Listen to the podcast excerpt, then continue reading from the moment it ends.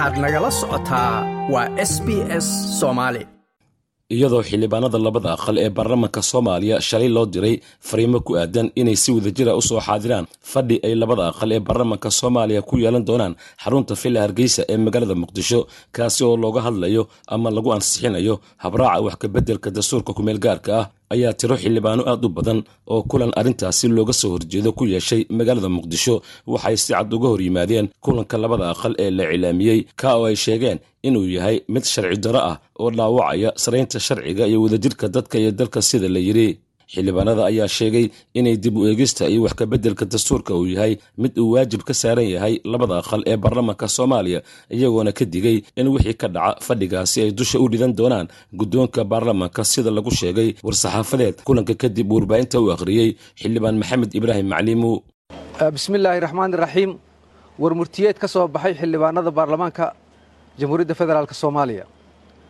Maanta oo ay taariikhdu tahay saddex iyo labaatanka janaayo kulan ay isugu yimaadeen xildhibaanada labada aqal ayay tale kaga yeesheen xaaladda dalka maanta uu marayo iyo damaca etoobiya ay ku doonayso inay ku qaadato qaybo ka mida dalkeenna.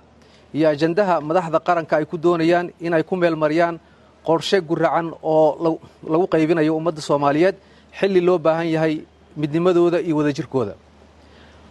Waxaa maanta xildhibaanadu soo gaartay fariin kulan labada gole oo wax lagaga beddelayo dastuurka maadaama uusan jirin xeer hoosaad labada gole ee baarlamaanku ay ku wada shaqeeyaan sida uu dhigayo qodobka labaatanaad ee dastuurka fakraddiisa labaad. Kulanka labada aqal ee berri dhacaya ee sida qardajeexa iyo gacanmaroojiska loogu ansixinayo qodobo xasaasi oo dastuurka ka mid a waa mid sharci darro ah oo dhaawacaysa sarraynta sharciga iyo midnimada iyo wadajirka dadka iyo dalka.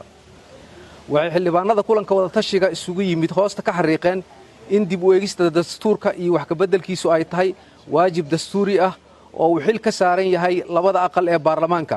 Haddaba ilaa iyo inta laga helayo xeer hoosaad ay labada aqal ku wada shaqeeyaan. Kulan kasta oo wada jira oo ay labada gole yeelanayaan. Kulankaasoo looga hadlayo wax kabeddelka dastuurka waa mid sharci darro ah oo khilaafsan dastuurka dalka. Waxay xildhibaanadu ka digayaan mas'uuliyadda wixii maalinta berri ah ka dhaca labada gole oo ay qaadayaan guddoonka baarlamaanka. Waxaa kaloo xildhibaanada hoosta ay ka xariiqeen madaxweynaha jamhuuriyadda iyo xukuumaddiisu inay dusha u ridan doonaan mas'uuliyad kasta oo kala qaybinaysa shacabka soomaaliyeed kuwaasoo u heelan hadda xilligan midnimo iyo inay dalkooda difaacdaan. Xildhibaanada kulanka yeeshay oo la sheegay in qaarkood ay ka kala yimaadeen magaalooyinka garoowe iyo nairobi halka qaar kalena ay ku sugnaayeen magaalada muqdisho ayaa waxay ayideen warmurtiidka ka soo baxay kulankaasi waxaanay qaarkood oo halkaasi ka hadlay ay caddeeyeen mowqifkooda ku aadan kulanka la cilaamiyey kaasoo ay sheegeen inay muhiim tahay in marka hore laga doodo oo laga hadlo xeer hoosaadka maadaama waxa laga hadlayo uu yahay masiirka dalka. Waa kuwan qaar ka mida xildhibaanadaasi. Waxaan aad u taageerayaa war-saxaafadeedkan galabtii halkan ka dhacay oo isugu yimaadeen qiyaasta ilaa toddobaatan xildhibaan oo labada aqal ay isugu yimaadeen. Intii kalena ay ka soo gaari weyday. Waxaan aad arrimaha laga hadlay sida war-saxaafadeedka lagu sheegay labada aqal ma leh xeer hoosaad ay isugu yimaadaan. Markaan la sheekaystay golaha shacbiga ayaguna waa dhibban yihiin. Marka kooramkooda la fiiriyo qaabkay u shaqeeyaan qaabkay wax u ansixiyaan culays badan baa ka jira. Annaguna qaab baannu u ansixinnaa. Marka labadii waxyaalood isma layskuma maarata isku si maaha. Midda kale mar haddaana labadii sida ay guddoonku sheegeen xeerhoosaadkii golaha shacbigana lama isticmaalayo. Xeerhoosaadkii aqalka sharena lama isticmaalayo. Labadiina waa iskhilaafsan yihiin. Arrimo waxaa jira marmar si gaara aan u kulanno. Waxaa ka mida madaxweynaha markaan doorananno. Madaxweynaha markaan doorananno sharci xeer hoosaadaa loo suubiyaa qaabkaan u dooran lahayn. Waxaa kaloo ka mida markaannu miisaaniyadda aan ansixinanno. Waa wax emerjansiya oo degdega oo waddanku u baahan yahay mar haddii laga hadlayo masiirkii dastuurkii waddanka oo wixii aan u dhaarannay ay ahayd dalka iyo dadka iyo diinta wax muddo badan jirayana ay tahay. Waxaan fiicnaan lahayd ayadoo aan la degdegin inaannu maaragtaa si qiimale aan uga qayb gallo sida xildhibaanada kale soo jeediyeen. Berito waxaan rajaynaynaa in la hormariyo xeer hoosaadkii lagu wada shaqayn lahaa? Runtii waxaan odhan karaa iskudaygan noocaan ah in la ysku dayo sharciyo qaldan in la keeno ama in la meel mariyo ama in ummadda soomaaliya lagu jara habaabiyo. Markii koowaad maaha taariikhiyana ma maqal mana aanan arag weli wax ka hirgalay oo sharci noqday. Haddaba sharciyada maanta halkaan aanu ka akhrinay runtii waxaa weeyaan waxaannu odhan karnaa waa badbaado badbaado ummadda soomaaliyeed weeye waxaannu uga digaynaa golaha baarlamaanka soomaaliyeed. Waxaannu mar labaad iyo mar saddexaad iyo mar afaraadba uga digaynaa golaha guddoonka baarlamaanku in aanay isku dayin inay golaha keenaan wax aan sharci ahayn.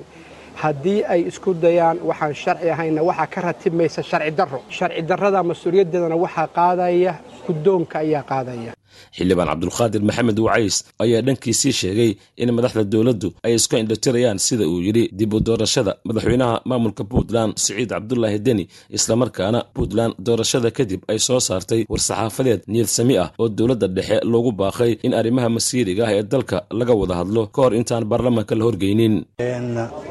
Sideedaba in dastuurka la dhammaystiro.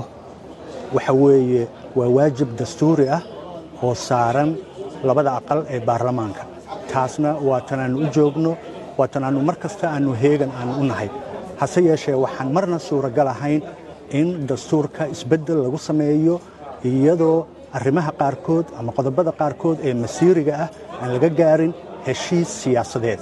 Waxyaabaha la yaab kale waxay tahay in koob iyo tobankii bishii janawari saddex bari kadib markii la doortay madaxweyne deni oo shacabka puntland ay u doorteen shan sano oo soo socota inuu hogaamiyo.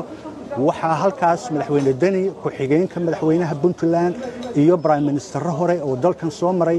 Waxay soo saareen war-saxaafadeed war-saxaafadeedkaas ku baaqayey ugu baaqayay dowladda federaalka soomaaliya in arrimaha masiiriga ah ee federaalaynta iyo dhammaystirka dastuurka federaalka soomaaliya laga wada hadlo lana hakiyo tillaabooyinka socda inta la isaga imaanayo. Waxaad mooddaa madaxda dowladda federaalka ah in weli ayan liqin in puntland ay doorasho ka dhacday in madaxweyne siciidani mar kale loo doortay shan sano in uu hogaamiyo muxuu ahaa puntland. Waxaad mooddaa weli in ay ay muxuu ahaa ay abuurayaan khilaaf sii fogaada oo dhex mara muxuu ahaa dowladda muxuu ahaa madaxda dowladda federaalka iyo madaxda puntland. War-saxaafadeedkaas ay madaxda puntland ay soo jeediyeen. Wuxuu ahaa mid mid niyad ah oo ay albaabada ugu furayeen wada hadal iyo in laga wada hadlo arrimaha masiiriga ah u baahan heshiiska siyaasadeed ka hor inta aan baarlamaanka la geyn. Like aas la wadaag wax ka dheh lana soco barta facebooka ee sb s